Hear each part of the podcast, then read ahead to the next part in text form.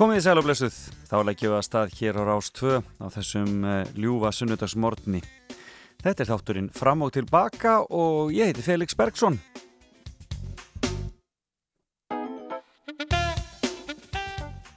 Já og það regnir á okkur á suðausturhóttinu þessa stundina og þá ger ég ráð fyrir að það sé dásanlega töður hjá okkur á norðausturhóttinu. Þetta er eins og þetta á að vera og uh, við bara vonum að þið hafið það gott hvar sem þið eruð en uh, það var príðrætt viðursatt í morgun. Hjólaði vinnuna og mjög gott að komast út. Þó það súltaði svolítið á mann. En uh, ég með mikinn þátt framöndan ég ætla að byrja hér á lægi dagsins eftir smástund svo kemur hún Ragnhildur Aradóttir stjórnendamarkþjálfu eigandi próívents og varaformaður félags Kvenna í atunurekstri hinga til mín. Eða félag Kvenna í atunulífun er það víst og e, hún ætlar að tala um e, fimmuna sína. Kemur ljós hér á eftir hver hún er. Ragnhildur ákvæðlega skemmtilegu og kraftmikil kona. Verður gaman að fá hana hér í kaffesopa og svo ætla ég eftir nýju að ringja engan annan en Ásgeir Trausta tónlistamann, hann er að leggja stað í tónleikaferðin landi og ég ætla aðeins að heyri hann hljóðið svona aðeins að reykja rúnu gardinnar og heyra hvernig hann er búin að hafa það í kófinu og svo eru fréttagetunum á sínu stað og, þaðan, og það verður verðlaun frá Krauma en á ný, e, Krauma er þessar fínu laugar við deildatungu hver í, í borgarfyrðinum og e, þá getur þið ringt í mig, það verður þarna um hálf tíu leitið. E, en e, já, ég var eitthvað að minnast á veðrið og við tölum nú alltaf um það mikið, sérstaklega á sömurinn og nú er náttúrulega að nálgast nálgast Jónsmessu en um, e, lagð sem er að myndast út ífka á vestanveru grænashafi mun, mun dæla til okkar rauk og hlýju lofti næstu sólarhingin með tilhærandi sunnanátt og vætu einhvern sunnan á vestalands og það kvessi setnipartin og í kvöld e, víða strekking sunnanátt en þó má reikna með staðbundnu kvassviður á norðanvörst næfyrsnesi og þessar aðstæði getur verið vara sem er til dæmis fyrir bíla með hjólís eða tjaldvagna og það er róleira viður sem tekur síðan við á þriðut og útlýtt fyrir príðisviður og öllu landin á 17. júni það er gleður og e, já, það er ástæði til þess að ætla það verða margir á ferðinu 17. júni en um, við verðum að finna þessu ungu menn sem verður konið til landsins og hafa komist í snestingu við COVID-veruna þannig að við verðum að, að vera almannavarnir og finna þessa menn og koma þeim uh, í hendur heilbriðis yfirvalda og lauröglu en það er hægt að finna myndir af þessum uh, mönnum sem að uh, lauröglan er að leita að inn á rú.is við skulum ekki láta þetta hlaupa alltaf stað hjá okkur hér aftur. En um, það er svona, það er aðeins blikur á lofti. En það er nú bara eins og það er. En við skulum skella okkur í lagdagsins og það er frá 1988 var á vinstættilistar ásar 2 með hljómsætti sem hann stopnuð 5 árum fyrr til þess að taka þátt í hljómsættikefnin í Allavík þetta voru auðvitað skriðjöklar og lagið þeirra sem var á vinstættilistar ásar 2 1988 er Auka kílóin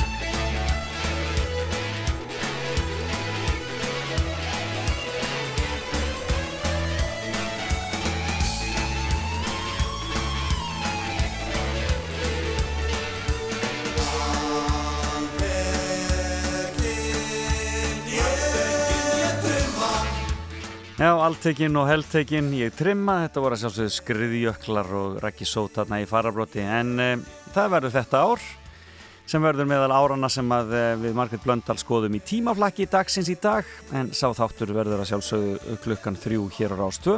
Við förum til árana 58, 68, 78 og 88 og skoðum þennan góða vinsaldalista.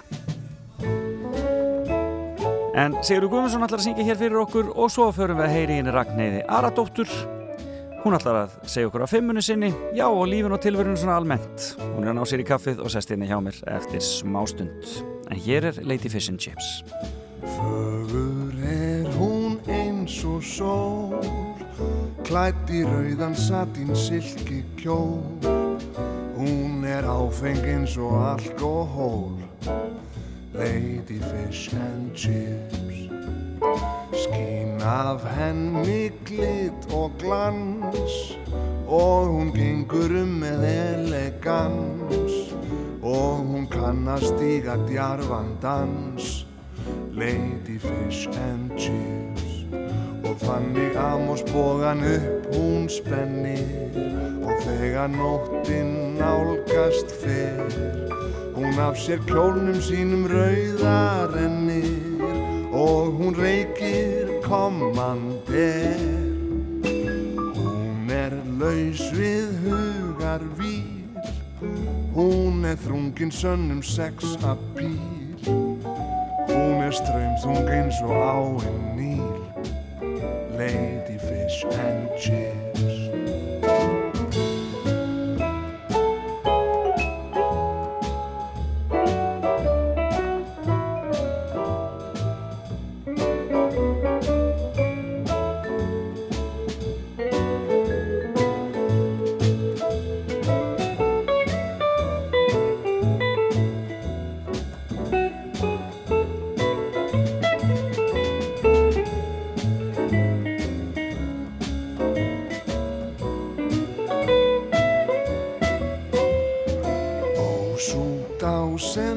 chips.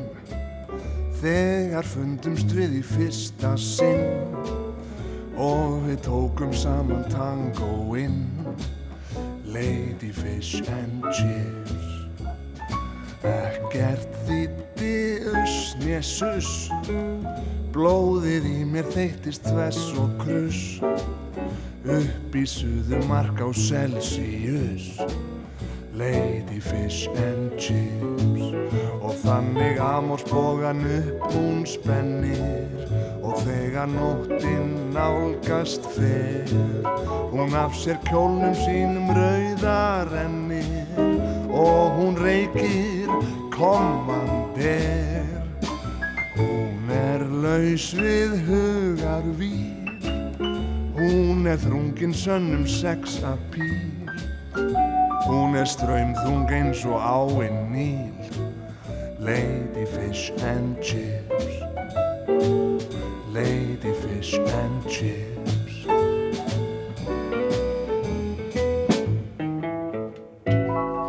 Og þá er gestur dagsins sest hér hjá mér.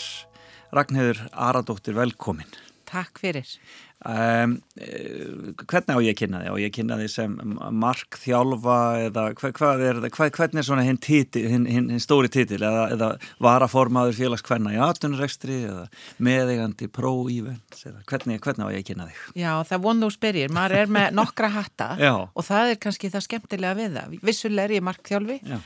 og hef unni mikið við það síðustu 15 árin Ég er líka með fullta námskeiðum undir hatti pro-training sem er Já, eitt af einmitt. hérna svona, já, bröndunum okkar ef maður má sletta hérna. Einmitt, Og svo rekum við hjónin saman viðbúra fyrirtæki sem heitir Pro-Events. akkurat Og jáfnframt því þá hef ég alltaf einhvern veginn tekið þátt í einhverju sem hefur áhrif á atvinnulífið eða áhrif á bara lífskeiði eða eitthvað slíkt.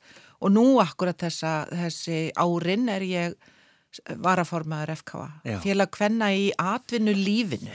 Þannig að við Já, fyrir víðar heldur en bara atvinnurekstri, atvinnurekstur. já, það, það er um að breyta nafninu að þessu Já, við til. breyttum því, þannig að við opnum það fyrir þeim sem að starfa hjá opinbörum aðlum til að mynda. Akkurat, Já. já, en það er náttúrulega, þetta er, þetta er alltaf, þessi bara átt að vikla er það gið og að, að einhvern veginn að koma konum, já, styrkja konur til áhrifa einhvern veginn, er það ekki?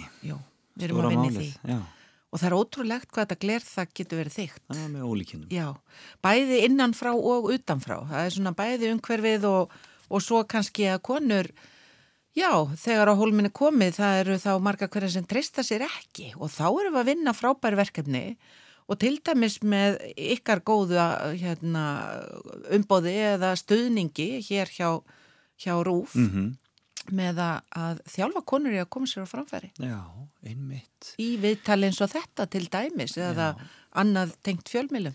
Það var þess stórt verkefni hér í sambandi við Gettu betur, það var óskaplega skemmtilegt. Mm -hmm. Maður svona fylgdist með því utanfrá þegar stelpurna voru komin í Gettu betur. Já.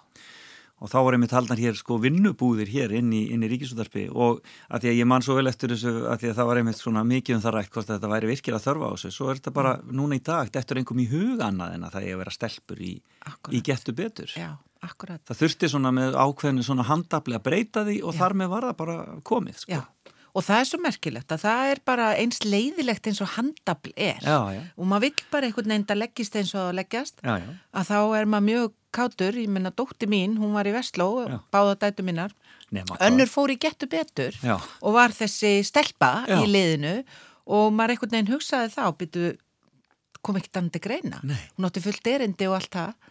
Þannig að það er alveg rétt hjá þér. Það er hérna, maður fljótur þá að aðlagast í þegar búið er að koma einhvern veginn nýri venju á. Akkurat, en þú ert vestlingur sjálf eða ekki? Jú, mikið rétt. Og, hérna, og, og stoltur vestlingur Já, ég hérna, það kom ekkit annað til greina hjá mér en að fara í Vestló sinn tíma og það var bara svolítið magnað að hérna hverfiskólin MS og mér leist ágætla á hann en ég var bara að horfa á í hverju ég væri góð sem Já. námsmaður Já. og það var fyrst og fremst það Já. og það var, var bókfæsla og, og þessi bóklegu fög sem nótabenni ég starfa ekkit við í þetta engin hagfræði og ekkert þú- Nei, en var góð í þessu öllu saman og, og langaði bara í Vestló og vá hvað ég átti skemmtilegan tíma. Já. Og ég sagði við bönni mín þegar við vorum að velja mentaskóla, veljið þann skóla sem þið haldið að verið mest gaman í. Akkurat, já, já, algjörlega, Góð, góðu punktur. Já, Um, það er fimmann þín og hún er uh, tengd ferðalögum, segir mér. Já. Eða, já, já, það er bara, það er ferðir. já, það eru ferðir og ferðalög. Já. Já, Og það er náttúrulega, er, í rauninni, ferðalag er, er mjög svona, getur verið mjög vítt hugtak, algjörlega. svona ferðalag lífsins. Já. En hvað hva kemur fyrst upp á þeim list, lista hjá þér? Sko, ég verð fyrst að segja að ástæðan fyrir að ég vel uh, ferðalög er bara, ég átta mig á því þegar ég fyrir að hugsa þessa þraut sem hún settir á mig að ferðalög og, og staðir hafa haft greiðaleg áhrif á mig Já. og fólk á þessum stöðum Auðvitað. og þá verði ég að fara að minnast á pappa minn heitin sem að sannarlega var mér fyrirmynd á þessu sviðu og fóreldra mínu bæðu ferðust mikið Já. en pappi sérstaklega, hann var hérna sjómaður, hann var lofskeitamæður sildi um heimsins höf á millilandaskipum og hann þreytist ekki á að segja manni æventýra sögurnar og hann ítti svona á mann þegar, að, þegar maður var komin til ára þú verður að fara og, og fara þarna þú verður að nota þetta tækifæri. Svona víðsýnis kjensla. ofsaleg og ég var svo og er svo þakklátt og lánsum og hef látið þetta ganga uh, til næstu kynslu að líka Já, já. vona ég að ég hafi haft áhrif á Akkurat. þannig að Fyrsta ferðalagið sem að mér langar að nefna er einmitt ferðalag sem hann reynlega sagði þú verður að fara. Í, þetta tengist sko Vestló og maður var að fara hérna í útskriftaferðina og nema hvað, það var Íbísa Já, já. og stuð og stemma og það voru nú útskriftaferðinar ef ég mann rétt þrjár vikur pluss nokkri dagar í borg, þetta er svakalegt sko.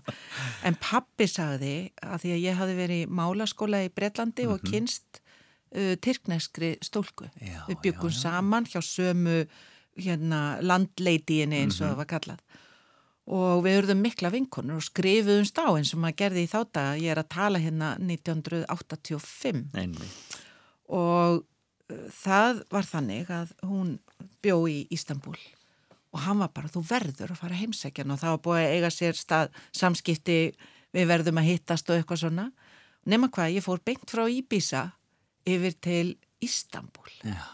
Það var svolítið magnað. Það hefur verið ferðalega á þeim tíma. Já, það var ferðarlega á þeim tíma en það sem var kannski svolítið magnað að var að koma úr fróðudiskónu þar sem allir eru bara mjög léttklættir Akkurat. yfir í múslimaland. Já, akkurat. Ég ung stúlkan, ljósærð og og orðin pínu brún á hörund en samt ljósari augljóslega frá öðru landi. Það var mjög mögnuð upplifun. Já. Og hvað hva gerður á meðan þú varst í, í Istanbul? Við ferðum stum, þetta var náttúrulega stórkoslegt, ég fekk að búa á þeirra heimili, kynnast hérna svona tyrknesksi menningu. Já. Ég var svo heppin innan gesalappa, það var andlátt í fjölskyldunni, bara amma, háöldru sem lést og ég fekk að kynnast svona minningar aðtöfn og bæna stund inn á heimilin og þetta var, og öllu því sem tilheyrði og fyrir mig svona unga stúlkuna, þá var þetta bara mjög magna og þetta, þetta var svo áþreifanlegt. Gríðarlega áhrif sem þetta hefur haft á þig. Já, það var, gerði það. Já. Já, og það sem var líka merkilegt að maður var að koma inn í þennan menningarheim þar sem að týðkaðist að foreldrar hefðu eitthvað með að gera hverjum þú giftist og mér fannst þetta skrítið Mhm. Og ég hugsaði, býtu vá, þá fyrir maður að hugsa um hvað maður er heppin og hvernig hlutinir eru öðru sig heima hjá manni og hvað maður í rauninni þekkir heiminn lítið.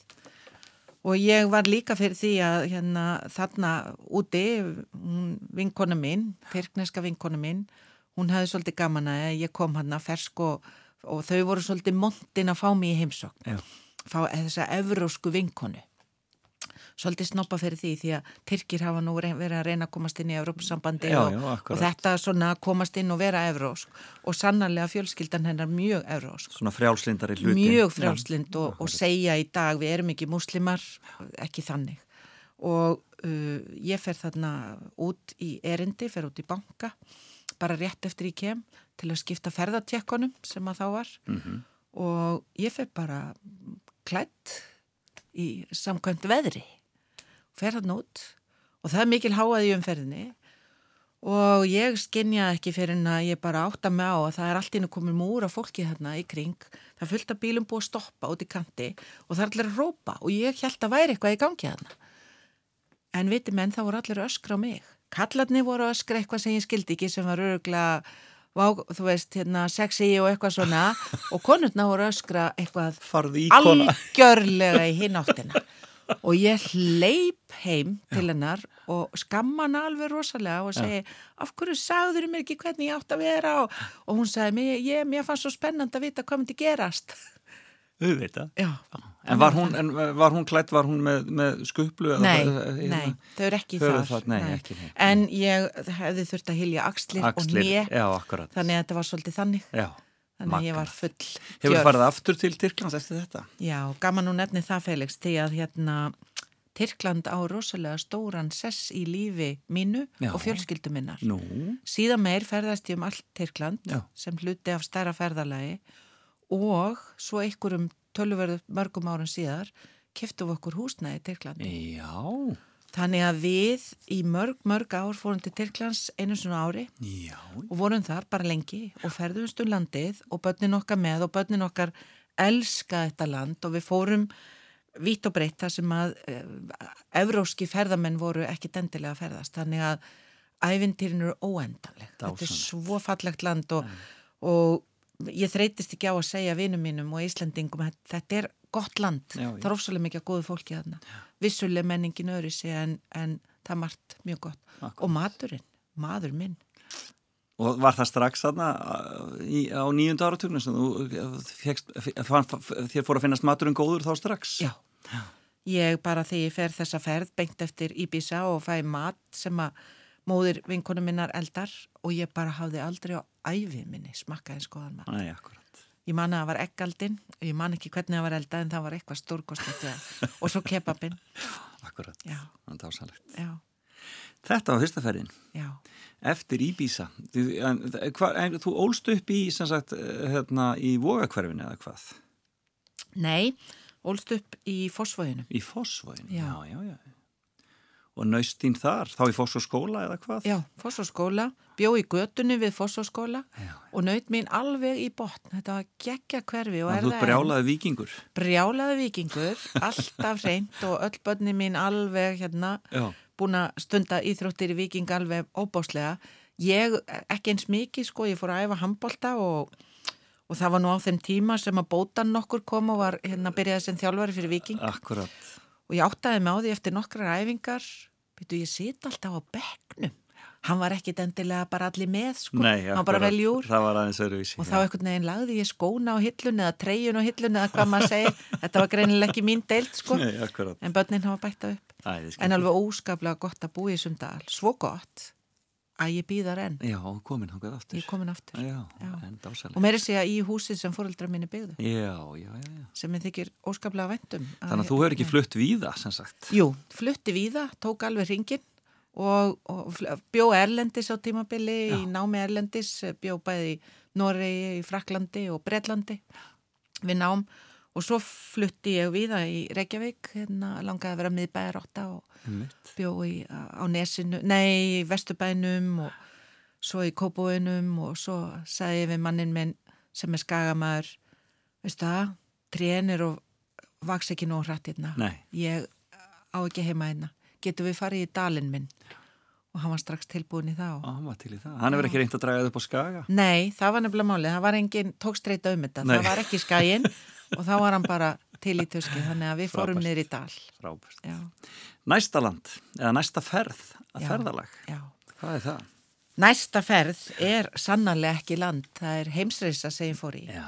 og það þykir ekkit merkild í dag að fara í heimsreisu en ég fór í heimsreisu ég held að þið- 1989 Ég held að þykir nú en það er aldrei merkilegt, sko. já. 89. 89 Það var bara planes, trains and automobiles bara til þess að komast, komast. Já, og sko ef við hugsaum þetta sem Já. var hugsað þetta sem foreldri, þegar ég fer í þessa heimsessu sem ég var í hálft ár, þá gáttu foreldra minni ekki náði í mig. Nei, akkurat. Við stoppuðum ákveðin svona poststopp og ég er ekki að tala um tölvupost, ég er að tala um frí, postin með frímerkinu.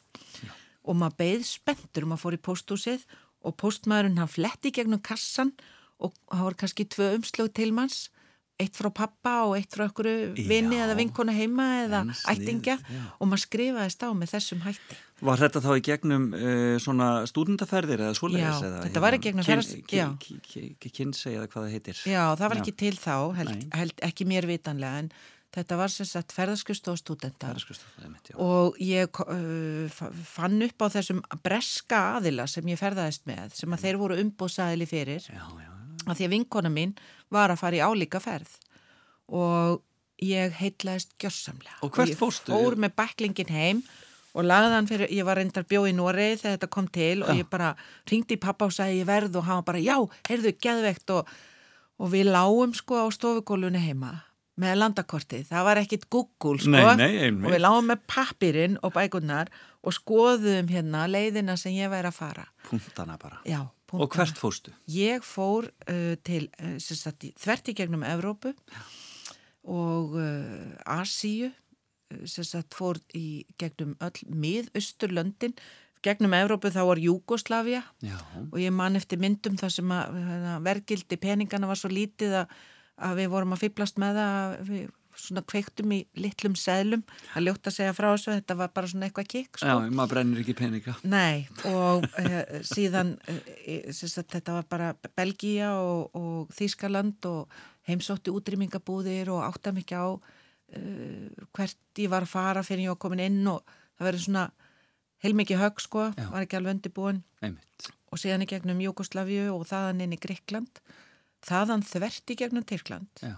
Þaðan niður í miðausturlöndin í gegnum Sýrland, ferðast um allt Sýrland, Vá. Jórdaníu, þaðan inn í Ísrael, þaðan til Egiptalands og svo fórum við áttum, átt að fara til uh, Íran, fekk ekki vísa, þannig að við erum að fljúa yfir og fara beint til Pakistan. Mm og það var Pakistan, Indland og Nepal Já, hérna hér. og þegar til Nepal var komið þá var ég allt innu búin að klífa upp á heimalæga fjöll, komin í tvekja vegna göngu þar sem var ekkit plönuð, Nei. bara datta í huga leiðinni Einmitt. smelti mér í það og hafði þá ekki einu sinni farið upp á esjuna. Og svo fór ég þaðan til, uh, til Thailands, til uh, þaðan yfir til Singapur Mm og yfir til Ástralíu þar sem ég var í svolítinn tíma. Já, hérna hér, þetta er ásalegt. Já, Og það er frá ástæðlíði sem hann kemur síðan heim aftur Já. þú ert ég að vinna mig í gegnum þessu lönd aftur. Þetta er dásalegt, aðeins. já. Já. En því líkt ferðalag. Já, Og hvað tók þetta langa tíma? Hvað gerður þau? ég var hálft ári í burtu. Hálft árið þessu, já. Já. Og þetta var svona, þetta var eins og uh, bílstjórun okkar sagði, uh, þetta er, þetta er, engi, þetta er ekkit frí, þetta er leiðangur, Já, akkurat. þetta er expedition. Ferðalag. Já. ferðalag. Og við ferðumst um á hermanatrökk. Já. Það var ekki mikið dempara dæmi, þannig Nei. að það var ágætt að maður var góður í skroknum, sko.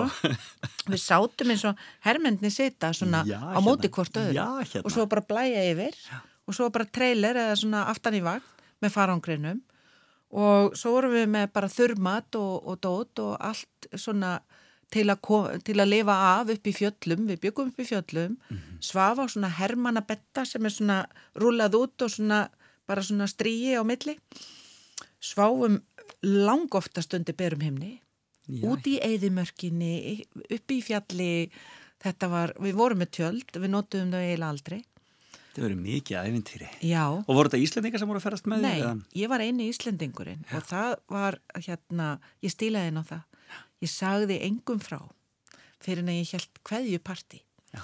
og það voru einhverja vinkona mína sem voru pinnu svona, hvað, hverju, ég hefði alveg viljað og Já. eitthvað svona, ég vildi bara fara þetta einn, bara ég vissi að ég var að fara með hópa fólki og ég vildi einhvern veginn bara koma á minni fórsend og kynast þeim. Já.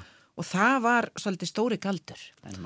Að þarna voru fólk frá 11 mismunandi hérna, löndum í heiminum sem að kynntist. Og þetta er ennvinni minni í dag þó að við höfum ekki náð að halda sambandi á Facebook hérna til að byrja með þá náði maður því með frímerkinu Já, og möguleikur um símtölum og, og bara síðast núna á þessu ári þá er ég miklu sambandi við tvo vini mína, einn Ástrala og annan nýsjálending Mhm. að því að dótti mín, önnur hún var að ferðast um heiminn og hún gisti hjá vini mínum í Nýjasjálandi 30 árum síðar. Þetta er svo fallegt, tengslanettið og, og hérna, þeir voru eins og papparennar að aðstóðana við allt og þetta, þetta er svo dásamlegt Já, svo nota vera. já, Og heimurinn skreppur saman. heimurinn skreppur saman Dásanlegt. já Þriðja ferðin, áður við tökum okkur smá pásu. Já, þriðja ferðin er til Suður Afríku. Já, Já, hvenar er þetta? þetta er nú næri tíma, Já. uh, þetta er 2006. Og þá með fjölskylduna? Um, við fórum fjögur, Já. við erum fimm í fjölskyldunu, Já. við fórum hjónin með börnin okkar tvö.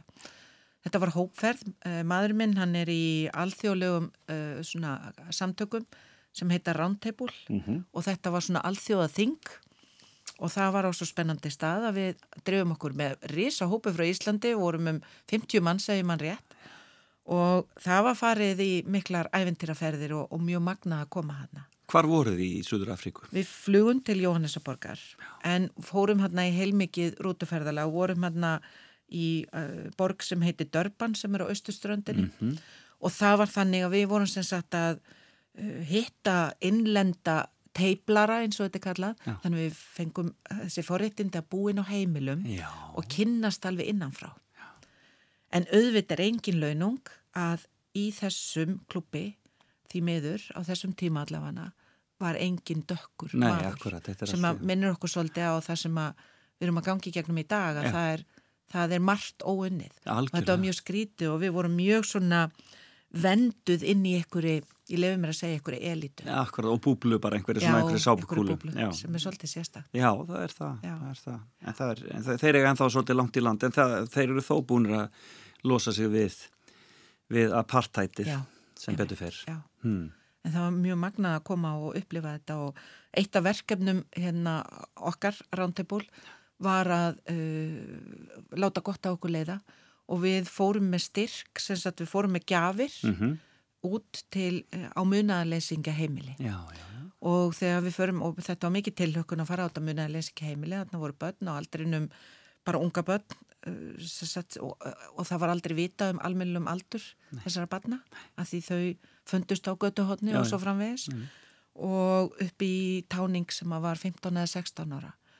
Og þegar maður lappar hérna inn og maður er alveg óundibúinn þá áttar maður að segja hvað sjónvarspil lifið manni. Já, maður lappar hérna inn og maður sér allir þessi litlu kríli þau tóka mót okkur syngjandi og svo lappar maður inn og þau hlaupa og þau hlaupa svona eins og lítill api upp í fangi á manni. Þau krækja fótunum um mitti á manni Já. og krækja höndunum um hálsin Já. og halda döða haldi og við spurðum fóstrurnar og sagðum ef ég myndi lappa með þennan dreng út, myndi hann bara vilja að vera með mér? Já, hann finnur bara hlýju hann finnur öryggi já. og hann, og sko maður fann þessi börn bráðvandar ég greitt mér bara í gegnum þessa heimsókn, mm -hmm. ég var alveg niður, mér langa að ætlega þau öll. Já, þau voru eðni smitu þau voru smitu á hinn og þessu. Manni var nákvæmlega sama. Já. maður var ekki eins og hrættur um að smitast. Nei, fær ykkur á svona tilfinningu bara vá, þetta, þetta verður svo áþreifanlegt Já, akkurat Þetta er mikið langt á mig. Magnað. Heyrðu, og börni mín. Á, fyrir þau að upplifa þetta lítur að mm. verið mjög magnað. Já, Já akkurat. Heyrðu, við skulum taka okkur smá pásu og það var mjög skemmtilegt. Þú valdir óskalag. Já, ég valdi óskalag. Ég vel aldrei óskalag út og ringi aldrei inn og nei. ég sagði þetta er tækifæri Já. og ég ætla sko að nota. Og, það, og það er? Áskipt trösti? Það er áskipt trösti. Maður sem verður hér í viðtali í setnin hluta þáttarins. Skemmtileg tilvíð. Þetta er ótrúlega skemmtilegt. Þetta er flott nýja lægi hans, Ringsól. Ofsalega. Skulum heyra það. Mér finnst það flottur tónlistamæður, ofsalega.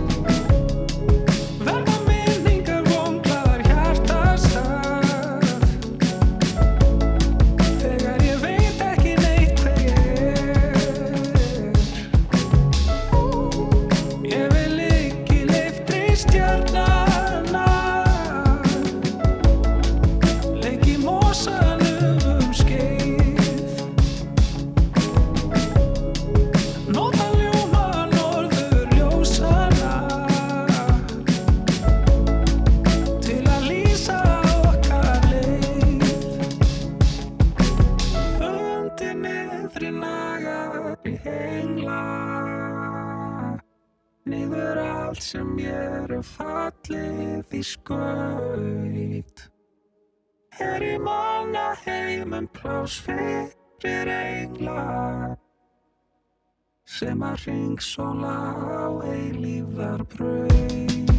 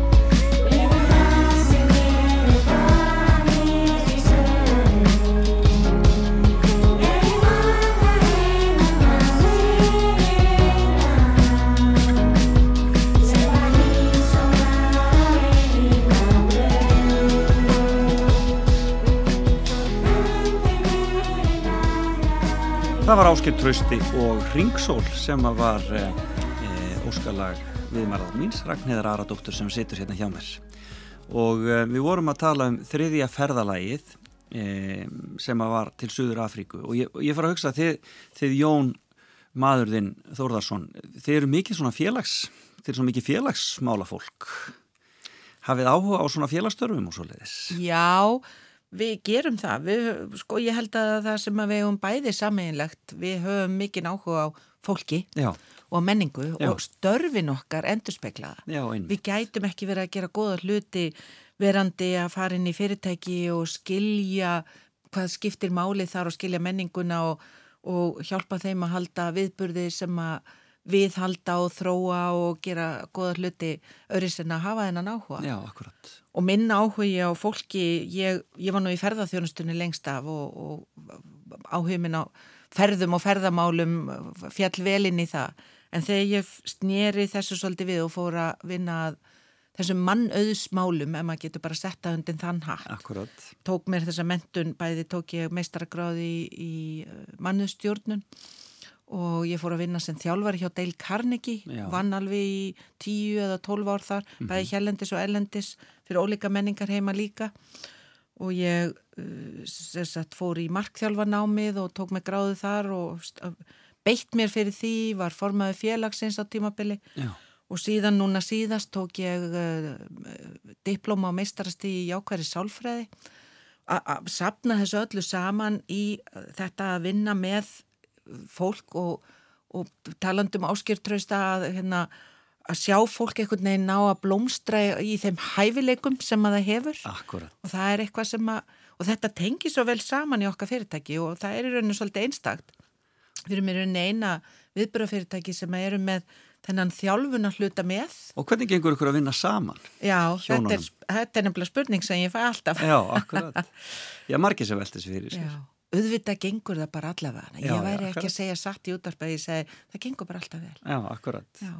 Það er svo litið erfitt stundum að skilja vinnuna frá engarlífinu. Akkurat. Það er kannski okkar stærsta áskorun. Nei, nei, mitt auðvitað. Já. Að geta bara slögt á símanu klukkan 5 og, eða, eða, eða lagt frá sér tölvupústing klukkan 5 og, Já. og bara farið heim og verið fjölskylda. Já. Og við e, e, höfum oft lent í því, við höfum sett um reglurnar bannað að tala um vinnuna við mataborðið, svo óvart. Poppar þú út úr öðru hvort okkar, svo áttum við okkur á því þá var allir farnir frá borðinu nema við. og það segir okkur eitthvað. Þannig að þetta flæðir svolítið yfir og auðvitað erum við ekki alltaf sammálum allar hluti. Nei, nei, En hitt er annar mál að við hittum stundum ekki heilu dagana. Nei. Ég er að vinna í mínu og hann í sínu, þannig að við situm ekki við borðið. Okkar vinna er svo mikið út í fíldinu. Auðvitað, skiljanlega. þannig að, Talandum út í fíldinu, þá erum við komin að fjórða ferðalæginu. já. Hvað er það? Fjórðaferðanleið ætla ég að hafa og það var erfitt að velja hérna. Ó, ég ætla að velja Grænland. Já, hvernig fórstu þangað? Ég, fó, hef farið oft ángað Já, og að því ég var að og þá vinnu, á... í vinnu Já, já, alltaf verið bóðið ángað. Mm og var svo lánsum að starfa í ferðarþjónustunni og þá í innanlandsgeiranum að byggja upp Ísland sem ferðamannastað og, og taka þátt í því, þeirri vegferð. Svona sem vest Norden þá æfintýrinu og því já, saman. sem dæmi, já. Ég vann hjá samvinnuferðum landsinn Já, sem að ég held að margir muni eftir. hlýjar minningar. Já, já, það var æðislegu vinnustæðar og ég var þar í innanlandsdeild og uh, innanlandsdeildin, sérst markaðsvæðið eins og þú nefnir réttilega, þetta vestnorden var í rauninni Færiar, Ísland og Grænland. Já, Þannig að maður fór í ferðir til Grænlands til að kynna sér vöruna sem maður, maður var að selja. já. Og ég fer þannig, ég man nú ekki alveg árið, þetta er bara stutt eftir ég byrja og ég byrja 91, þannig að þetta hefur verið 91 eða 92 og fer til Flíti Kúlusúk og fer til Amassalík. já, já. Og það var einhver hugljómun, það var eitthvað svona þessi litlu hús sem er eins og elspýtustokkar á svona einhverjum klettum og þetta er svo ævintýralegt. Að uh, ég gjörsamlega heitlaðist Já. og ég hugsaði þá mikið vildi ég að ég væri rítöfundur vákati kjörin staði fyrir rítöfund að sita og vera með skapandi skrif Já. og allt þetta. Setna las ég Irsu, ég man ekki hvað bókin heitir sem gerist á Grænlandi það tengdi ég þetta svolítið saman. Já, en að, maður heimsótti þarna afskekta uh, lítil þorp. Og vestægi man ekki nafn á þorpi þar sem var pínu lítil kirkja og, og kannski þrjú hús og pínu pínu lítil skóli og þetta er allt svona, manni finnst maður þurfa að beigja sig þegar maður hugsa um þetta Já, akkurat. og að hitta fólkið og allir brosandi Mm er lítið þorp sem lokaðist ég veit ekki hvort það er ennþá þannig lokaðist í alltaf nýju mánuði ári Já. eina leiðin og snjóslega eða hundaslega og maður hugsa bara, vá, hvað þetta er sérstætt og ég var alltaf sogast að ykkur Já. svona, Tímin verður öðruvísi Já. á svona stað. Já. Afstæður. og það er svo nærand að koma í svona umhverfi, það er svo mikið frelsi Mælurum með ferðandi grænland, hvert á fólk að fara eða ferði grænland? Já, ég mæli eindreiði með ferðundi grænlands. Man þarf að komast svolítið bara sjálfur. Ég hef líka farið á, á austuströndina Já. og, nei, vestuströndina Já. og, og hérna farið til Núk og, og heimsótt slóðir Eiríksrauða og, og þetta er margslungi land og best að ferðast hérna annarkvort í þyrliða bát, sko. Að því veginnir er ekkit, það er ekki allstað vegi, sko. Nei, nei. Það er alveg ótrúlega gott að koma hann og Íslendingar hafa svolítið verið að fara Mhm. veiða til dæmis. Þetta er bara svona, já, en auðvitað bara frelsi eins og koma upp á hálendi Íslands eða afskektastað á Íslandi. Komast út úr mannmerðinni og takin einhvern veginn kraftin og orkun og náttúrunni og fólkinu. Briljant. Síðasta ferðin eða síðasta ferðalagið sem þú ert með á þínu lista fyrir okkur, fymta. Ég gat ekki annað Já. en tekið Ísland Já. inn í þetta. Af því við höfum ferðast alveg óskaplega mikið Já. á Íslandi. Við erum eitt af þessu fólki sem eh, höfum alltaf átt fellihísi Já, og farið mjög víða. Og við höfum dröslað þessu fellihísi á staði þar sem enginn er með fellihísi. Við erum svolítið bara sami um græjuna og farið bara svolítið út úr, út af malbygginu. Já, Og oft verið eini aðilin og svona stungi í stúf. Þar sem að ferðamennir eru með sín kúlutjöld og verið svona eini aðilin svona já, þar mætið þið með fellihísi. Og krakkarnir með ykkur krakkarnir með og krakkarnir, það er svo gaman að það hafa alveg eins og bara með Tyrkland eignast sína uppáhaldstaði og vilja koma aftur og aftur og bara hvena getur við farið aftur eins og til dæmis bara bara nefni hveravelli eða rauðasand á vestfjörðum eða uh, fleiri staði sem við höfum farið á Flatey á Breiðafyrði og svona því afskektar að því betra Já. einhvern veginn svona komast út úr Frábært. finna já, finna svolítið svona upprunan ég veit ekki hvort að maður er gömul sál eða hvað maður er, ég ætla nú ekki að vera neitt hátileg með það en þar, þarna fæ ég bara hleðsluna mína Já, hva, hvaðan eru fóröldraðinir? Eru þau reykvíkingar? Þannig að þú ert ekki, alveg ekki... frá Malbygginu, Já, alveg Þannig að þú ert að það er langt aftur bara, Það er er, bara Reykjavík. já. Þannig að þú, þú ferð og tengir í, í hinn og þessa staði. já, ég er svo lánsum að sem krakki fekk ég að vera í sveit Áttu einhvern einn uppáhalds? stað Já, á Íslandi, ég veit ekki ég held ég verið bara að segja rauðisandur Já, Við vorum þarna, við höfum tviss að tjálta þarna. Einu sinni með stórum vinahóp, með tókst að draga þau allan. já, Og þau voru aðeinslána að vera þarna og við vorum heila veslumahelgi í stórkoslu veðri. Þetta er örgulega viti í vondu veðri, já. eins og margir staðir. Já, Og svo vorum við hann í fyrra sumar aftur og maður getur eiginlega ekki slitið sér frá. það. Og það eru bara fáir sem koma. Maður er einhvern veginn svona út af fyrir sig. Lappar þarna út sandin út í sjóin og kæla tásurnar og það er einhvern veginn svona eitthvað kyrð og eitthvað saga yfir þessu. Frábært. En ég greið fram fyrir þér, hvar varst í sveit? Ég verið sveit í fljótslíðinni. Sýsti mín giftist bónda já, já. já. og ég tölvert yngri og fekk að vera barnapía og aðstofa bara og kera traktor Það og tíu ára þegar ég fór að kera traktor sko. Það var svolítið gaman. Þetta var skemmtilegt, skemmtileg yfirferð. Byrjum á Tyrklandi, svo var það bara he- heimsreisa, Suður Afríka, um, e, síðan var það... Fór ég til Grænland? Grænland, já, alveg rétt og svo Ísland. Já. En hvað ætlaði að gera í sumar, fjölskyldan? Verðið þið hér heima að vinna eða? Við ferðumst innanlands. Já, í sumar. og það er, það er bara indislegt og við reynum að vera eins mikið á Íslandi eins og við getum á sömrin. Við sko höfum alltaf verið svolítið svona spontant fólk, bara stökkum til Einmitt. Og um, bara, bara dæmum daginn frétti ég að ferða á, Kanadalsnúk og var ekki búin að vera að æfa mig fyrir það og fekk að fara með og stökk til og dröslaðist upp. Uh, við ætlum að fara í göngur Æ, Þetta var gæt sem vorum að tala við sem vorum að, ætlum að ráða til að fara með okkur og hópa fólki í skemmtilega göngu. Það er ekki búið ákveða staðinn. Nei, Ég þarf, ég, við fórum á hotstrandir í fyrra og þar, hérna, þú, ég nefndi Röðarsand, ég verða taka hotstrandir inn í, þú, þetta er felljur spurning, það má ekki spyrja svona hvað er að þegar maður er með nokkra, sko. ég mæli með austurinn í sömars. Já, og svo austur, ég var að fundi austur í morgun, tímsfundi og, og hérna, og einhvern veginn fann ég austur að því ég var að tala á hangað. Já, dýrfjöll og stórurð og allt þetta. þetta Við er erum bara- fórum með mitt göngu í stórurð á sínum tíma og það er magnað. Það er staður. Þannig að göngur eru á kortinu, Já. Við erum nýbúin að fá okkur sumabústað. Hann er líka rosalega á kortinu Já, að hafa gott þar og, og við erum að ditta á honum og, og gera hann kláran svona. Golfið, það þarf að golfa mikið. þannig það er á ímsu að hyggja greinlega. Heldur betur. Skulum enda þetta á lægi sem að, svona, ég held að ég er mjög vel við þig, það heiti Grow og hefði því verið framlag Hollands í Eurovision í ár, ef að, þeir, ef að það hefði verið haldið. Kæra þakki fyrir spjalli Ragnhildur Aradóttir. Takk innilega fyrir mig. When I'm sad, I am unreasonable, just like a little kid mad at the world. When I'm alone, I am defenseless, just like the boy I was afraid in the dark. Don't take it personally. Don't be offended. Don't mind my mood changing like the weather.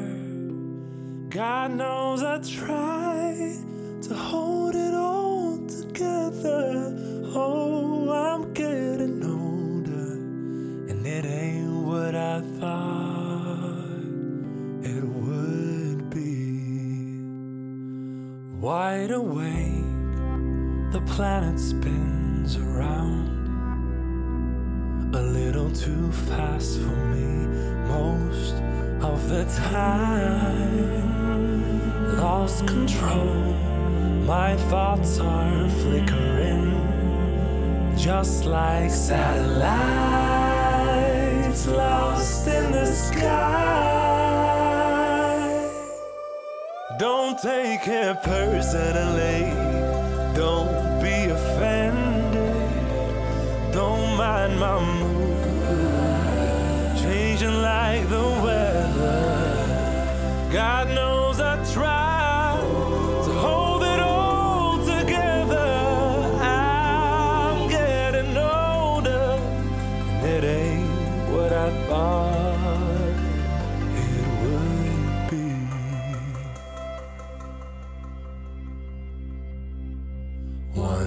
I'll find some peace of mind, and then I'll stop being afraid I won't make it through the night. The more I learn, the less I know. Through every high and every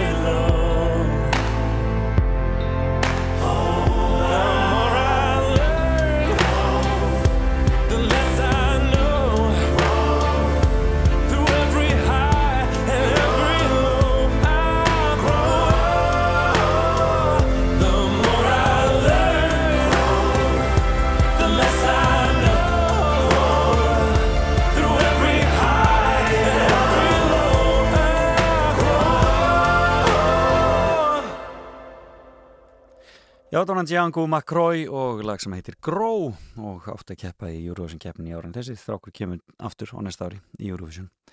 En hún Ragnhildur Aradóttir, hún er farin út dyr, það var gaman að heyra fimmuna hennar, ferðalögin hennar öll. Fiskur og fólk. Skemmtileg síning. Sjómannasafni í Reykjavík. Kúrðu bara áfram og hlustaðu áfram og tilbaka á Rás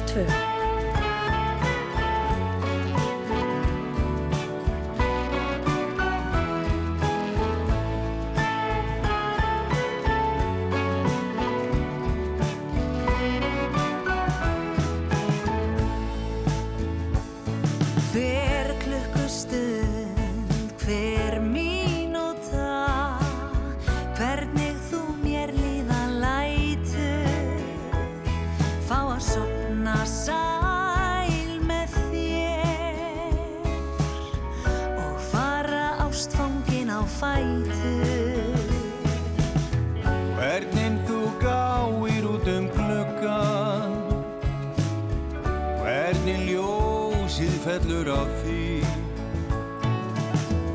Hvernig þú drekkur þitt kaffi. Hvernig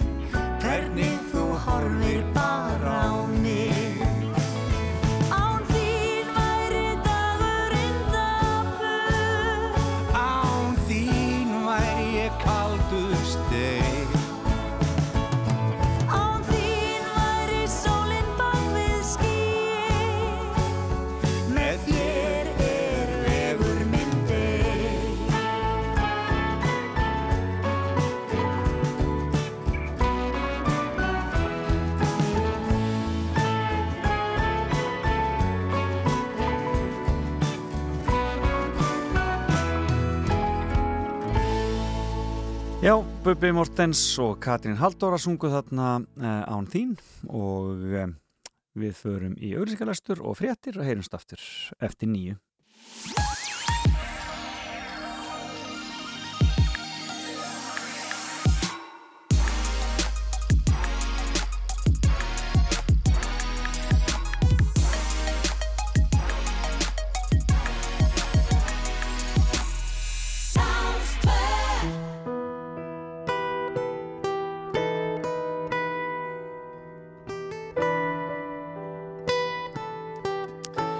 Við áfram hér á Rás 2.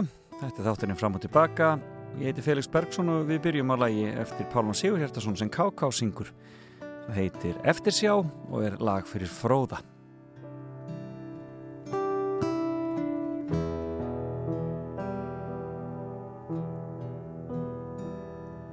Spurt hef ég tíu miljón manns sem myrtir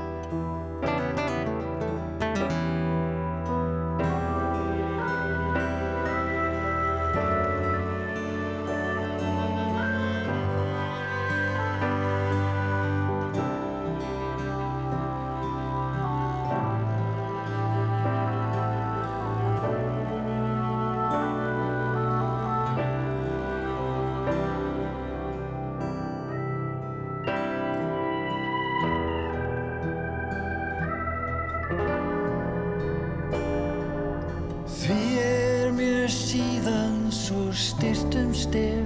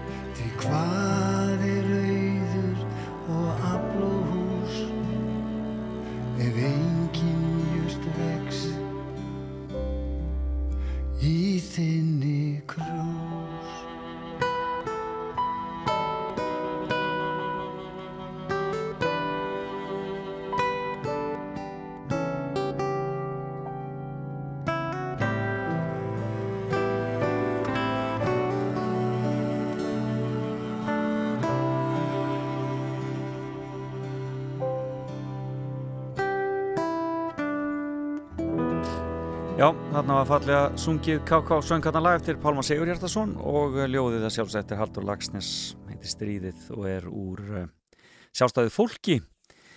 Spurt hegi 10 miljón manns. Eh, og uh, alltaf sjálfstæðið fólk. Og ljóðin í þeirri bók með hreinum ólíkindum. Um, Haldur Lagsnes íhugaði á tímabili að verða ljóðskáld engöngu um, en lokaði svona þeim kapla í lífi sínu með kvæðakverinu og, e, og því þeirri frábæri bók og um, en orti síðan upp í, e, í rauninni skáldsagnapersonu sínar. Og það var já, það eruðu til mörg alveg ótrúlega falleg falleg ljóð sem að hafa lifað með þjóðinni En eh, þið er að hlusta á Rás 2 og ég heiti Felix Bergson og uh, hér eftir smástund ætla ég að ringi Áskir Trausta, hann er að leggja af stað í tónleikaferð og ætlaði uh, að vera uh, utanlands en verður innanlands í staðinn vegna, já, út af dollu eins og maðurinn segði, út af náttúrulega COVID-19 heyri honi hér eftir smá og svo verður fréttageturinn hér á sínu stað klukkan hálf tíu. Þannig að við erum hér á ljúfum nótum áfram uh, í fram og tilbaka Hér er Aldous Harding og um, sívinsela The Barrel I feel your love. I feel time is up. When I was a child, I never knew enough what that do to me.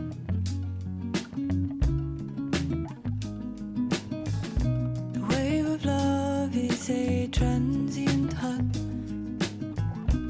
water's the shell and we are the nut. A ties or a hand are out of the barrel. Look at all the peaches.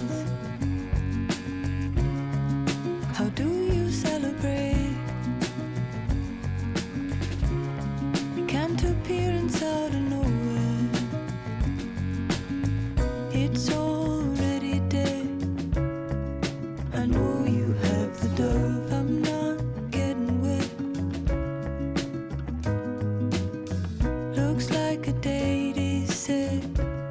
Show the ferret to the egg. I'm not getting let along.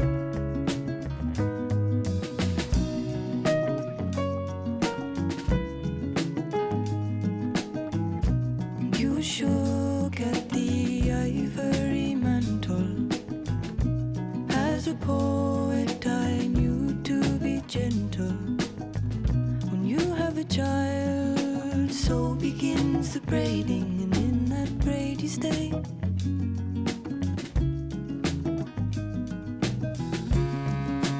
Look at all the peaches.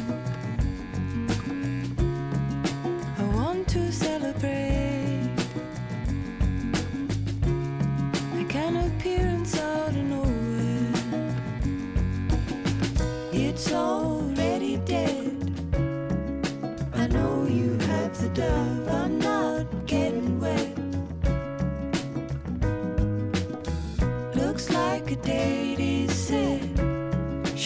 Ferret to the egg. I'm not getting let along.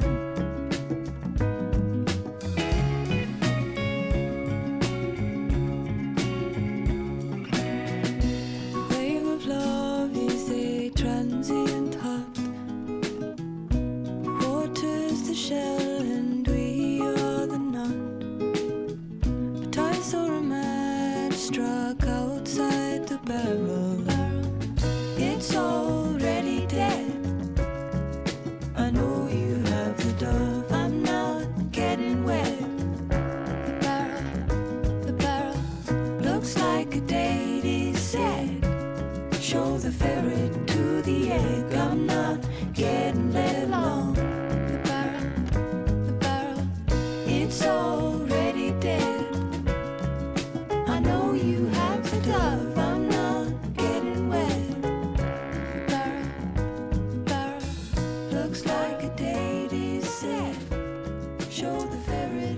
Aldous Harding og uh, The Barrel þarna og um, já, þetta er flott lag uh, Hér eftir smástund ringja í Áskir Trausta fáum aðeins meiri músík þangað til og um, ég held að Jamiroquai sé næstur Beint úr efstaleitinu í Reykjavík.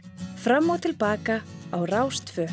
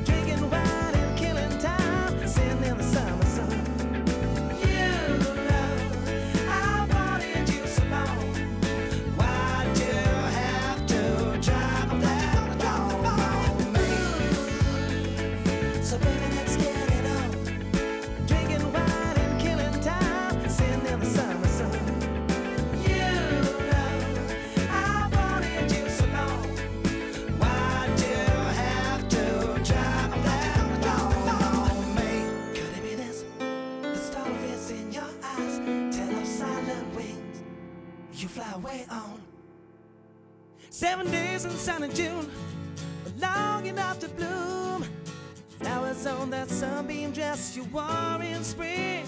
Yeah, yeah. The way we left as one. Why did you drop that bomb on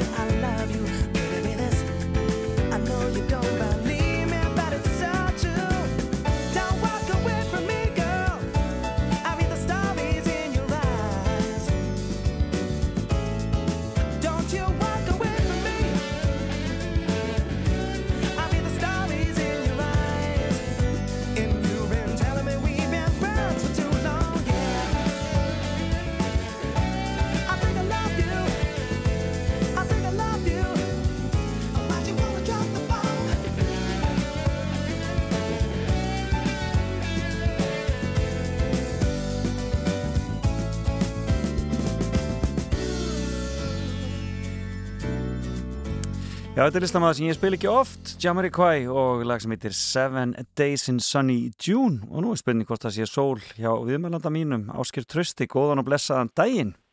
Já, góðan daginn. Blessaður, er sólinn fann að skína þar sem þú ert? Já, hún gerir það ekki í augnablikinu en, en jú, það er búið að vera ágætt síðustu dag. Hvar ertu statur? Ég er nú bara stattur hérna í Norlingaholtinu, eitthvað hjá mér. já, akkurat, í góða verinu. Já, já. Þarna, eh, ég var að hugsa það, það er orðið, það er, hvað tíminn líður ótrúlega hratt. Manni finnst ennþá að þú sért einhvern veginn nýbúin að skjóta þér upp á stjórnuhiminin en dýrði döða það kemur hvað, 2012? Já, já, ég er alveg, alveg á sama stað, sko, með því tími líða svo satt, sko, þetta er orðið, já, þetta er orðið núna átta ár síðan að, síðan svo plata kom út, sko. Og þetta er búið að mikil ævintýra ferð síðan. Já, það má segja það, sko, við erum búin að ferðast mjög mikið og, og hérna, já, búið að bara, já, hálfgert svona æfintýri, sko. He- Hefur einhvern veginn tekið saman hvað þú ert búin að koma eða hvað þú ert búin að spila mörg gig? Já, allt veistu, já, veistu, við, við heldum við, við byrjum allavega að reyna að taka þetta saman fyrir ekki löngu síðan. Við, við náum að telja um, hvort við höfum ekki verið komin upp í svona 600 þegar Á, á þessum á, tíma? fe, á þeim tímapunkti, já. Já, hérna hér og það út um allan heim og ég menn ertu með löndin líka, veistu það, eða hvernig það er?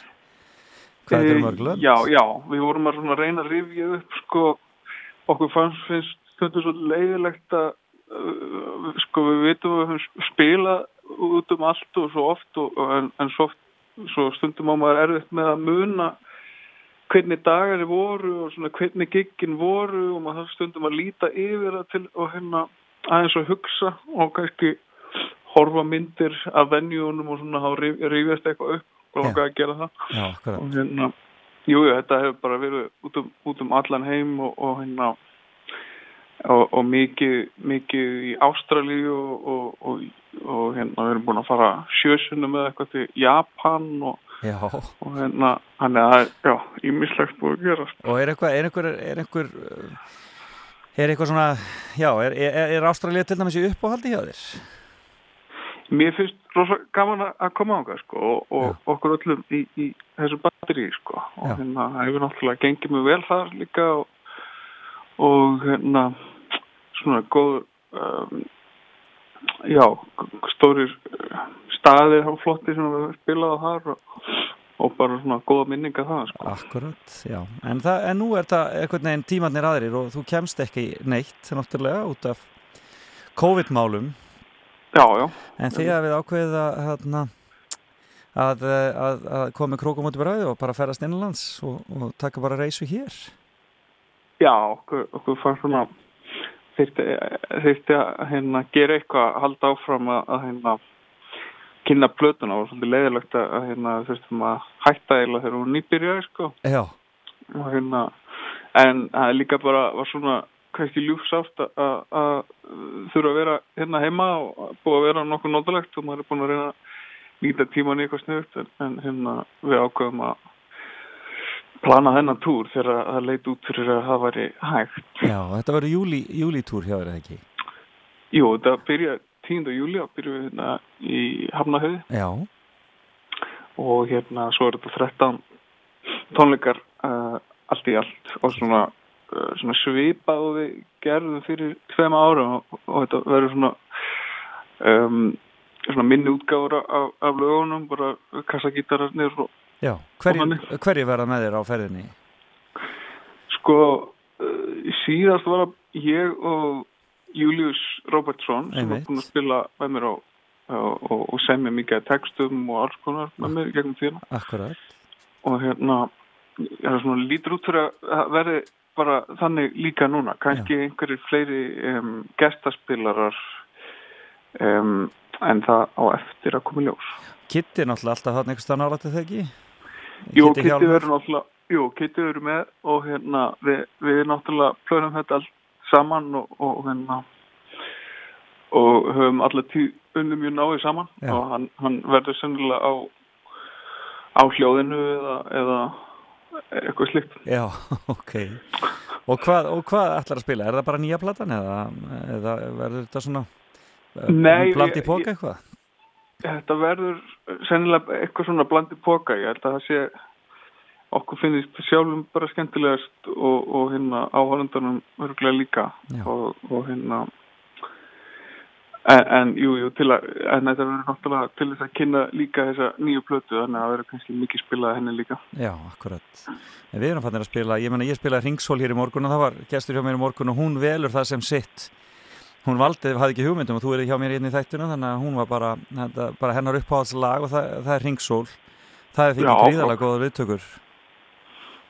Já, bara mjög annað hérna viðtökunar á, á þessari plötu sko og, og, og maður sér svona, sér það mest hérna heima náttúrulega fyrsta, fyrsta lægin af plötunu eða það hafa gefið út fyrir núna verða sko eitt og hálft ári eða tvö ári eða eitthvað. Já, og hérna þetta hefur bara gengið gengi mjög vel. Og, En þú ert svona, en þú, þú, þú ert á íslenskunni núna hérna heima, alveg ákveðin í því eða hvað? Þú syngur alltaf íslensku hér heima.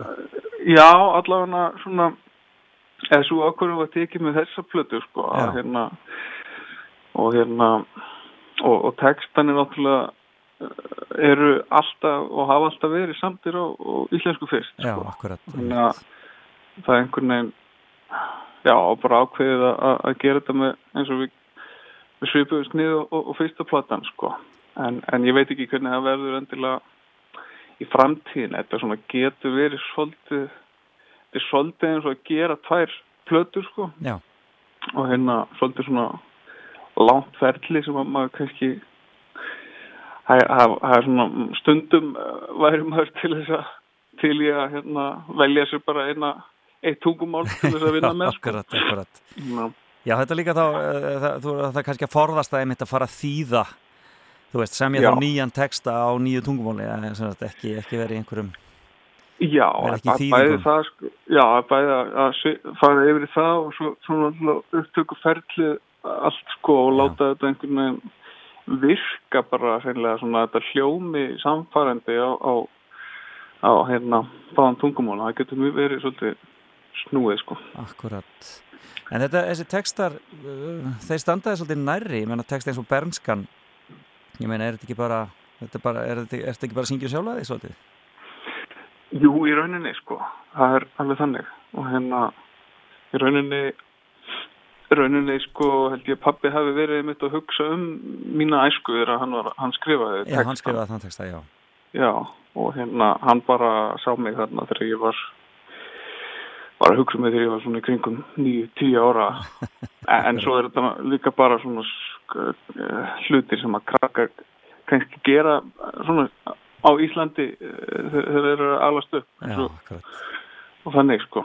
Svona, og, og þú náttúrulega ólst upp í miklu frelsi og mikill, mikill útiveru og Já, já, já, bara við hérna við fluttum mikið út um all land sko Já. Nú, hérna, sem að mér fannst bara ágætt sko og, en hérna en sko um, ég held að þessi texti hefur þetta verið saman um sko tíman okkur í garðinum hérna á Reykjanesi að Já. byggðu það sko Skemmtilegt. Er, þú veist þú mikill íþróttamæður, ég ætlaði að spyrja það því líka. Ertu, ertu ennþá duglegur að fara í ræktina og halda þér við og eða, þarna, er, varst ekki frjálsíþróttamæður hérna í gamla daga? Jú, jú, ég var, ég var í því um, í, hlaupum og Já, ég var endur eiginlega bara í spjót Ég spjótkast Já, rétt, já, akkurat. Og ertu, ertu grípur í spjótið eða þá? Nei, ég gerir það reyndar ekki en, en ég, sko, ég er alltaf að plana það, mér langar að það verði svona eins og eins og svona mitt gólf að geta farið út bara á tún og, og kasta stundum Já, og hérna ég þarf bara að finna spjótið mín og, og, og finna þetta tún en hérna en jú, jú, ég, ég, ég uh, hleyp mikið núna og, og hreyf mig alltaf, ég hef alltaf gert það sko. Já, akkurat. Og kannski nöðsynlegt einmitt með þessari vinnu líka að, að, að halda, Já. halda hausnum svona, halda hausnum ferskum. Já, ég myndi, myndi segja það sko og búin að svona reyna að finna svona réttu rútínuna á því hvernig maður já, heldur sér svona einmitt ferskum og það er algjörlega partur af því er að, er að reyfa og svona Herða, svo, en túrin byrjar hann í júli og ég, það, ég gerir ráð fyrir að miðasælinn sem komin fullt. Veistu hvar fólk getur nálgast miðan og komist að því hvernig, hvernig þetta lítur út hjá þér allt saman? Já, uh, það er bara á text.is og hérna, jú, jú, það, hún fór í, þetta fór í sölu í vikunni og já, þar eru bara allir tónleikanir, sko. Frábært. Þannig að við bara hvetjum fólk til að tekka á þér í sumar og, og, eh, og eh, njóta þess að sjá þig ekstra út á landi. Kæra þakkir fyrir skemmtilegt spjall. Gaman að heyri þér. Já, sumulegis. Takk þér vel. Já, bless, bless.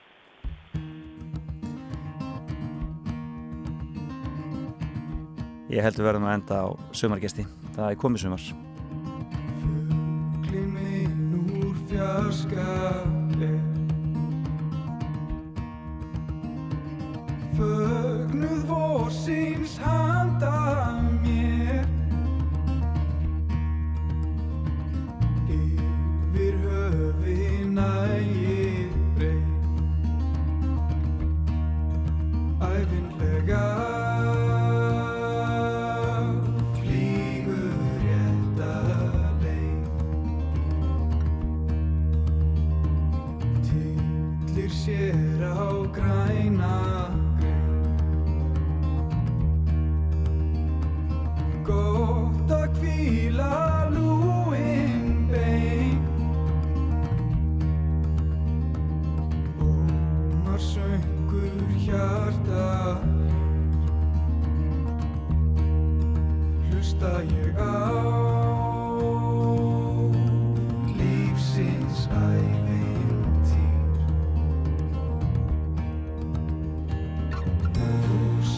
sé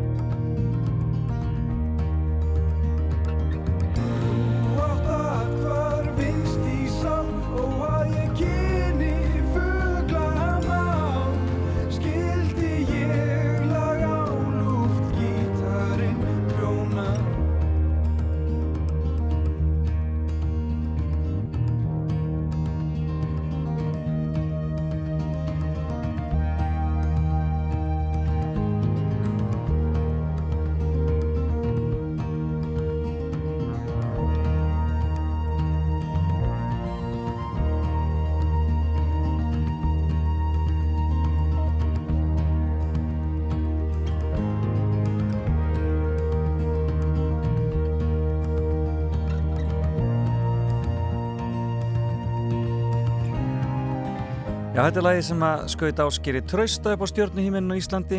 Sumar gestur úr hljómskálanum frá árunni 2012 og um, ásker leggur að stað eins og áður sagði þann 10. júli í þennan túr byrjar í Bæjabí og í Hafnafyrði og síðan verður þetta bara uh, alveg hringurinn í kringun landið, hann kemur til þess að í Berufyrði, hafar í þar í Seyðisfjörðakirkju Eh, hann ætlar að spila í Sæborg í Hrísei, það verður öruglega geggjað á græna hattinum á Akureyri auðvitað í Kvamstanga í félagsheimilinu þar og Sauðakróks kirkju og uh, svo í Bjarn, Bjarnarfyrði ja, hótel Laugahóli. Þannig að það er og, og, margir aðrir staðir sem að koma þarna við sögu. Þannig að endilega tekja það á sín á miði.is nein á tix.is fyrir gefiði og um, náðu ykkur með það á tónleika Áskeist á Íslandi í uh, júli en um, við förum að skella okkur í fréttagetrun eftir smástum Velkomin á Fætur.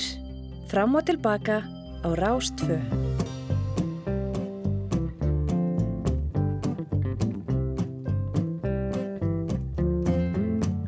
Halló, komið öll á fætur Öll á fætur nú Fínt er veðrið borginni það sér í takt Sjáuð hvernig lífið lætur Það er lílegri en nokkur orð fá sagt.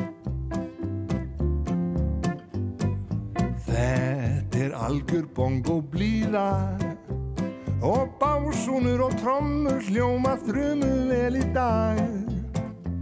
Frá hljómskálanum sömbutónar líða út í loft Þegar lúðra sveitin þeitir heitan brag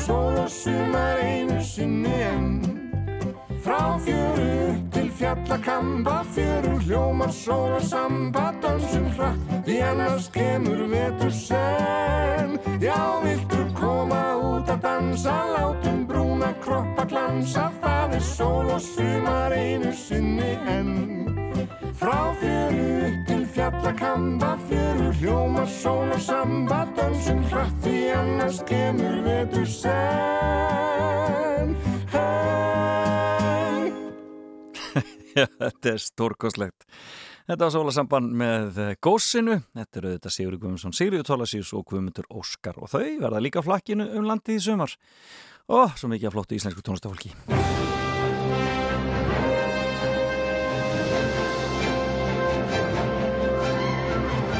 En þá með þið byrja að ringja 5687123 5687123 og við ætlum að skella okkur í fréttagetraun og þar kemur nú ímislegt við sögu 5687123 og verðlaunin eru hvorki meira minna en e, þetta fína gjafabref sem ég er hérna með hjá mér í Krauma sem að eru laugar við deildatungu hver og þeir sem hafa farið þangað vita það er sérstaklega hugulegt og akkurat eitthvað til að gera í sumar á meðan maður eldir íslenska tónlistamennum landið en ég sé að e, það er nú frekar rólegt yfir hvað þannig að morgunin einn byrjar að ringja, við skulum bara heyra í viðkomandi. Þið hinn megi byrja að ringja með hann 5687123 Góðan daginn. Já, góðan dag. Góðan dag, þú ert bara fyrstur á línunni. Þannig að það, þú fær bara, þú fær fyrsta séns. Hvaðan erst að ringja? Úr Reykjavík. Þú ringir í Reykjavíkinni. Það er nú gott. Heyrðu, þá ætla ég að spyrja þig hér. E, Nágrannar jarðarinnar hróðnýjarstaða mótmæla uppsetningu vindmilla á jörðinni og segja að vindvorku ver ekki eiga heima í byggð en hvar á landinu eru hróðnýjarstaðir? Eru þeir eru í Dalasíslu, rétt við Búðardal? Það er hárrétt hjá þér í Dalasísli, eða í Dalabyggð eins og það heitir vist núna. Þannig að já, þú náður þessu, þetta er bara alveg hárrétt og, og voru frekar fúlir hérna, landegundir hann í kring. Hvað finnst þér um svona vindmilur? Hefur séð þetta en í þykvabæ og svona? Já, já, Erlendi sem ég finnst þetta svo sem allt í lægi. Já. Á réttum stöðum, svo til dæmis að fyrir búrfell, ég held að tröfla ekki marga. Nei, akkurat. Það er vindmil sem eru. Nei, akkurat. Það er svona, þetta, þetta verður mikið rætt öruglega á næstunni. Heyrðu, en þú ert komið einar rétt á og þá spyrjum við næst. Í vikunni var sagt frá sumarbústað sem hefur vakið aðtekli vegfarand á Húsavík, en hann stendur við höfnina. Verðar að leggja lokahönd á bústaðin sem getur hýst stóra fjölskyldu. En hvers vegna komst þessi bústaðir í fréttinnar? Já, nú er stórt spurt. Já, hvers vegna komst þessi bústaðir í fréttinnar? Þetta er bara alveg farað með mér. Já, þau voru ekki heyrt þessa frétt, eða séð. Mér. Þú gefur þetta ráðir, en takk fyrir að ringja. Já, blessaður. Já, hva, hvers vegna komst þessi bústaðar á Húsavík í fréttinnar? Góðan daginn. Góðan dag. Halló, heyrur í mér? Já, góðan daginn. Já, sætla blessaður. Veist þú hvers vegna þessi sumabústaðar á Húsavík komst í fréttinnar? E, var ekki verið að taka eitthvað mynd þarna, kvikmyndir í sumar, eða fyrir sumar? Jú, en það var nú samt ekki. Þannig að Eurovision myndina meinar. Já, það er rétt hjá þér, en það, það var ekki það sem að gerði það að verka með þessi í fréttir. Hann er blætt aldrei óvinnulegur þessi bústaður, tekur fullt af fólki en er óvinnulegur. Já, þetta, ég, ég kveiki ekki alveg. Nei. Ég gefa það nú sérst. Já, kæra þakki fyrir að ringja. Takk fyrir, já, blessaður. Bless. Já, skulum heyra næsta. Góðan dag. Góðan daginn. Já, góðan dag. Sæður bless, veist þú hvers vegna þessi bústaður komst í fréttinnar? Já, er hann ekki sjófæst? Jú, það er á rétt hjá þér. Þetta er náttúrulega bara plat, skilur Þetta er náttúrulega bara bátur sem að er búið að breyta í sumabústað og kemsmittist að það er hárétt. Þannig að þú bara færið réttir í þetta. Hvaðan erst þú að ringja? Ég er hengi á Reykjavík. Þú ert í Reykjavík, já, já, hvað er þetta? Þannig að þú, við erum allir, öll hérna í rigningunni bara, þessa, þessa stundina. Já, já, já, við höldum áfram, þú ert komið með þarna eina rétta. Og nú spyr ég, svo ákvörðum BBC að taka einn af þáttum gama þáttaræðanar Fawlty Towers úr streymisveitu sinni hefur ekki hörðviðbröð og nú mun þátturinn komin aftur í veituna. En hvað hétu þessir þættir á íslensku? Mast þetta því? Já, héttir ekki hótel Tindastól. Það er hárrétt hjá þér, Hótel Timsastótt, mannstu hver var það, var sem leik hérna aðalhutverkið? Já, John Cleese. Þetta er engin annar, engin annar, snillingurinn mikli. Heyrðu, þú ert komið með tvö rétt, þannig að nú verð ég að reyna að finna eitthvað skemmtilegt á þig hérna. Eitthvað aðeins að reyna á þig, sko. Hm, hm, hm. Ekki ómikið. Ekki ómikið sant. Sko félagar í Sliðsafnafélaginu Landsbjörg og Skórattafélag Íslands gróðu settu 4000 rótarskot í áramöndaskógi á Selfjalli við Lækjarbotna í góða veðurinn í vikunni. En ég spyr, hvað í ósköpunum eru rótarskot? Ég var ekki fyrir að selja þetta um áramótin stæðan fyrir flugvelda. Það er hárétt hjá þér, ég næ ekkert að platta þig. Já, hérna hér. Heyrðu, jú, þetta er hárétt hjá þér, það voru, það voru, þarna, þetta voru uh, það, það, þeir sem keiftu sér ekki flugvelda, keiftu sér rótarskot og nú er verið að planta því. Hvað heitir maðurinn? Andri heiti ég, Andri og hvað svon? Kristjáns. Kristjánsson. Má bjóða þær að renna bara við hjá okkur hér í efstaleitinu og sækja velaunin þín Já, Hérna í, í, það. í móttökuna. Það. Þá býður það eftir þér bara strax eftir þennan þátt og þú getur komið hvernig sem er. Það er. Kæra þakki fyrir að ringja og njóttu þess að fara í kræma. Já, takk fyrir það. Takk fyrir kjærlega. Takk fyrir mig. Já, bless, bless. bless. Já, Andri Kristjánsson tók þetta og eins og alltaf þá þakka ég honum og þakka ykkur öllum fyrir að taka þátt í fréttageturinn og hún verður aftur hér eftir viku. Ég ætla að klára gjafabrefin sem ég á í krauma og svo tökum við smá sömurfrí í fréttageturinni.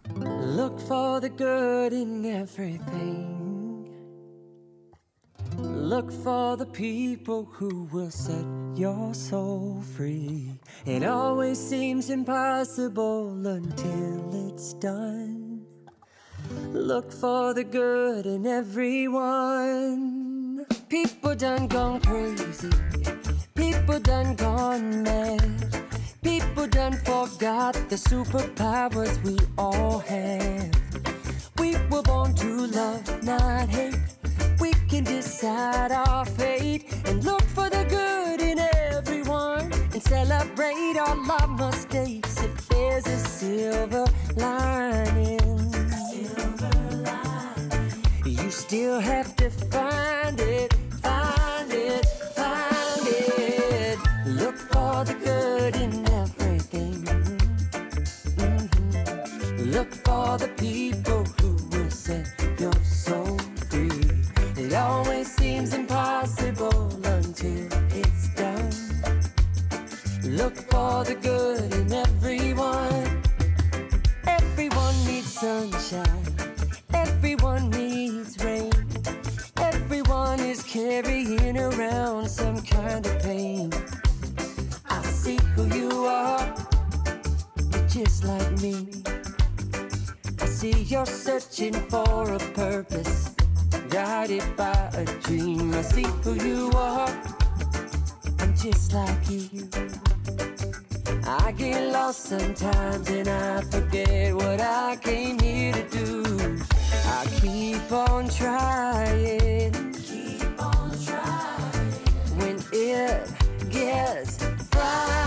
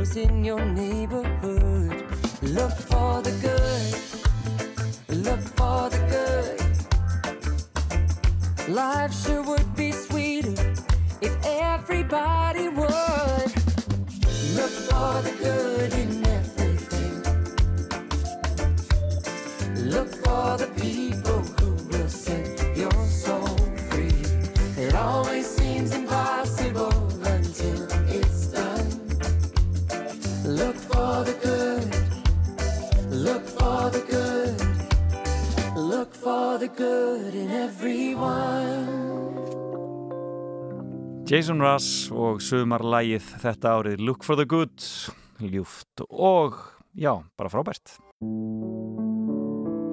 Kúrðu bara áfram og hlustaðu áfram og tilbaka á Rás 2. Kærleikur og tíminn lækna sár Eitt ári tímans hafi hundrað ár Við erum vinir þú og ég og við örkum þennan veg. Þú og ég, þú og ég, þú og ég. Hamingjan er fyrir handan horn. Hún liggur þar og býður stundakorn Og við röltum, þú og ég, öðru hvoru hennar veg. Þú og ég, þú og ég, þú og ég. Eitt er víst og yngu fær því breytt Að þú og ég, við erum yfirleitt Alveg eins og ver og ber Alveg sama hvernig fer. Þú og ég,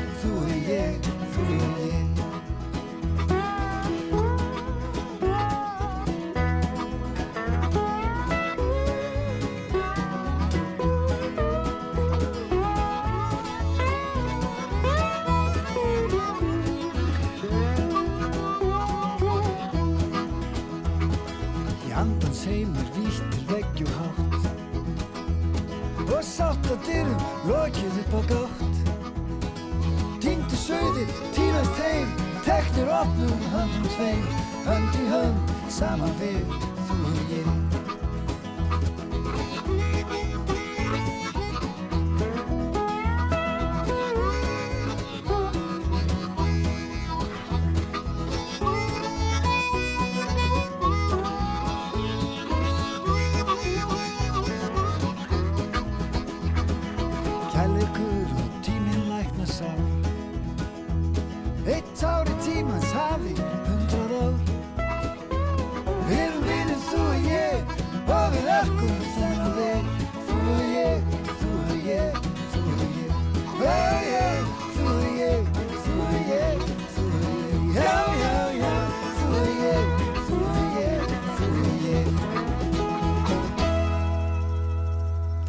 Kærleikur tími klikkar ekki hann KK og hann verður á ferðinni í uh, uh, sumarprogrammi okkar hér á Rúf í sumar.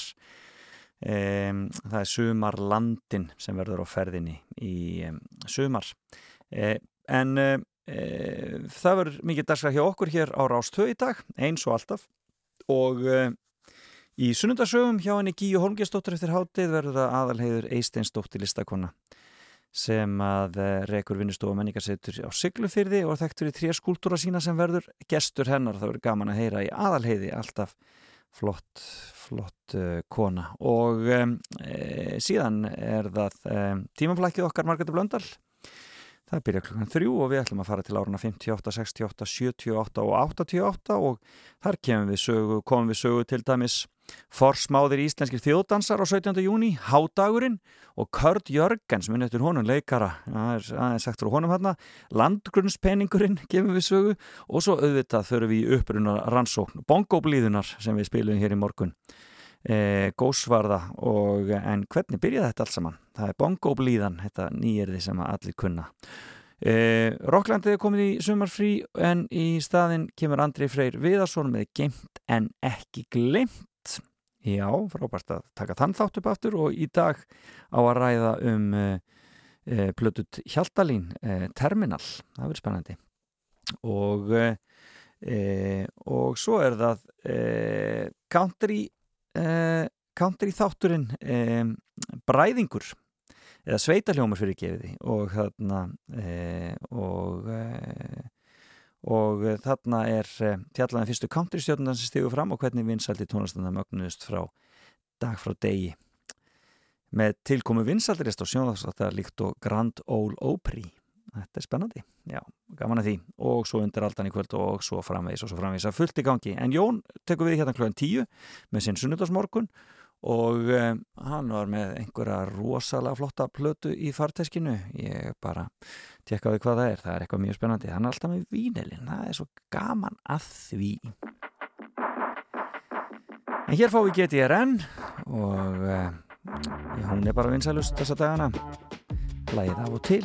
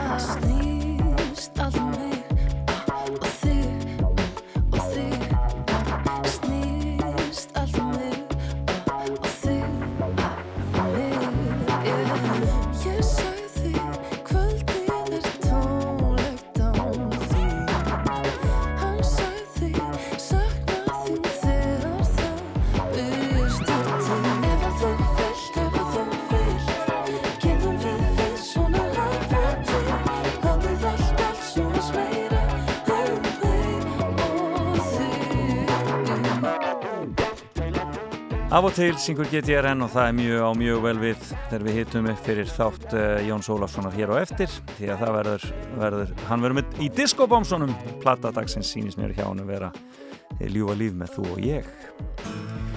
En þetta er búið hjá mér í dag. Ég þakka viðmaldi mínum Ragnæði Aradóttur og Áskeri Trausta og ykkur fyrir að hlusta. Heinust aftur eftir viku. Endum þetta á lagi frá 1978 það er eitt af árónum sem við skoðum í tímaflækin í dag Þetta er græna byltingin. Bless, bless. horfurnar, bráðum verða torfurnar, allar undir grænni torfu. Við setjum nú upp húfurnar,